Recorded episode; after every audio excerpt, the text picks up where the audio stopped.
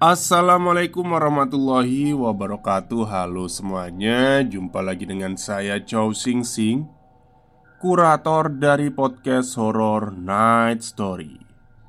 Halo apa kabar semuanya? Semoga kalian semua sehat-sehat ya Dan seperti biasanya Pada hari ini saya kembali dan akan menghadirkan sebuah kisah mistis untuk kalian semua Kisah mistis kali ini saya datangkan dari treat horornya Bukan treat horor ya, lupa. Maksudnya dari email, kiriman email dari uh, Mas Stranger Talk Nama samaran. Jadi kisah kali ini adalah sebuah kisah nyata Yang benar-benar dialami oleh Stranger Talk ini. Ya, saya sempat baca ya Dan lumayan menyeramkan ya Oke, daripada kita berlama-lama, mari kita simak ceritanya. Selamat malam Mr. Chow Sing Sing Saya adalah pendengar setia di Youtube juga platform lain Lama menjadi pendengar akhirnya saya memberanikan diri Untuk mulai menjadi pembagi cerita di channel Anda Perkenalkan nama saya adalah Stranger Talk. Itu nama samaran ya. Saya akan menceritakan perjalanan hidup saya yang bisa dikatakan indigo Atau memang apa saja karena terlalu sering berhubungan dengan hal-hal yang mistis. Dan pada akhirnya entah berhubungan atau enggak Berujung pada kematian kakak-kakak saya pada cerita pertama, saya akan bercerita tentang tema mudik.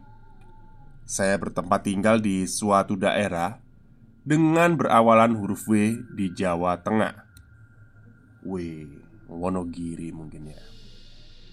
Saya anak terakhir dari tujuh bersaudara yang semuanya adalah anak laki-laki. Kami berasal dari keluarga Muslim yang mana momen Idul Fitri adalah momen yang sangat dinanti-nanti. Karena di momen itu semua keluarga besar akan berkumpul. Setiap tahunnya kami sekeluarga selalu mengunjungi rumah kakek dan nenek yang berada di kota Pati Di provinsi yang sama. Dari kota kami Memerlukan waktu perjalanan kira-kira 4-5 jam Dikarenakan jarak yang jauh dan jalan yang entah kenapa berkali-kali di aspal tapi selalu saja cepat rusak. Cerita dimulai. Pada awal tahun 2000-an ketika saya masih berumur 7 tahunan Kami sekeluarga mudik ke rumah nenek. Kami berangkat Hamin satu lebaran pukul 1 siang Karena biar sampai di rumah nenek itu pas dengan jam buka puasa karena anggota keluarga saya banyak, kami menggunakan dua mobil. Perjalanan seperti biasa dan sempat beberapa kali terjebak macet karena arus mudik. Sehingga estimasi waktu perjalanan lumayan molor. Pada waktu berbuka puasa tiba, kami masih sampai di hutan jati pohon di kota Purwodadi. Kami sekeluarga memutuskan untuk berbuka puasa di mobil saja dengan menu seadanya, yaitu air mineral dan snack-snack yang kita bawa untuk cemilan pada waktu itu. Singkat cerita, kami melanjutkan perjalanan melewati hutan pati yang saat itu masih rimbun dan gelap karena tidak adanya pencahayaan di pinggir jalan. Saya duduk di tengah dan kakak-kakak saya di belakang Kemudian kakak saya yang duduk di belakang Tiba-tiba teriak Astagfirullah. Lalu seisi mobil pun kaget dan bertanya ada apa? Kakakku pun menjawab Dia baru saja melihat hal yang aneh. Tadi ada orang kecil bu. Terbang ngikutin mobil kita. Aku lihat dari jendela dia segedenya setikus. Terus naik daun jati. Kata kakakku sambil masih dengan tubuh yang gemetaran. Lalu ia ditenangkan oleh ibuku. Setelah kami melewati hutan jati itu Mobil kami itu terasa oleng sebelah kanan. Ternyata ban kami kempes. Untung saja sudah keluar dari hutan dan di depan ada pom bensin. Jadi mampirlah kami ke sana untuk sekedar mengganti ban dan istirahat. Tapi apesnya, ternyata dua mobil kami ini tidak ada yang membawa dongkrak. Tertinggal di rumah semua. Tidak berselang lama, ada mobil kijang biru yang berhenti di samping mobil kami. Mereka juga sekeluarga, ayah, ibu, dan dua anak laki-laki. Lalu mereka menghampiri kami dan menawarkan bantuan untuk meminjami dongkrak. Kami sekeluarga sangat senang dan merasa terbantu. Di keluarga itu ada anak yang seusiaku. Kami berkenalan lalu sempat bermain bersama. Kami juga sempat ke kamar mandi bersama dengan diantar oleh ibu mereka. Singkat cerita, setelah ban mobil kami selesai diganti, mereka pamit duluan karena nggak bisa berlama-lama katanya. Kami sekeluarga mengucapkan banyak terima kasih. Dan ayah saya bertanya mereka mau ke kota apa? Dan ternyata mereka tetangga nenekku. Nenekku di perumahan rakyat dan mereka di bagian perkampungannya. Lalu ayah saya pun berjanji untuk mampir esok hari setelah sholat id dan kami pun akhirnya berpisah. Kami melanjutkan perjalanan dua jam kemudian dan sampai di rumah nenek dengan selamat. Setelah sampai di rumah nenek, kami beramah tamah sebentar, mandi lalu tidur karena besoknya acaranya ya padat lah ya dan membutuhkan banyak energi. Paginya setelah sholat id, kami berkumpul dengan keluarga besar Lalu ayahku teringat dengan janjinya semalam dan bertanya kepada nenek rumah Bapak R sekeluarga yang semalam sempat menolong kami untuk meminjami dongkraknya. Kakek dan nenek waktu itu kaget mendengar pertanyaan dari ayah saya.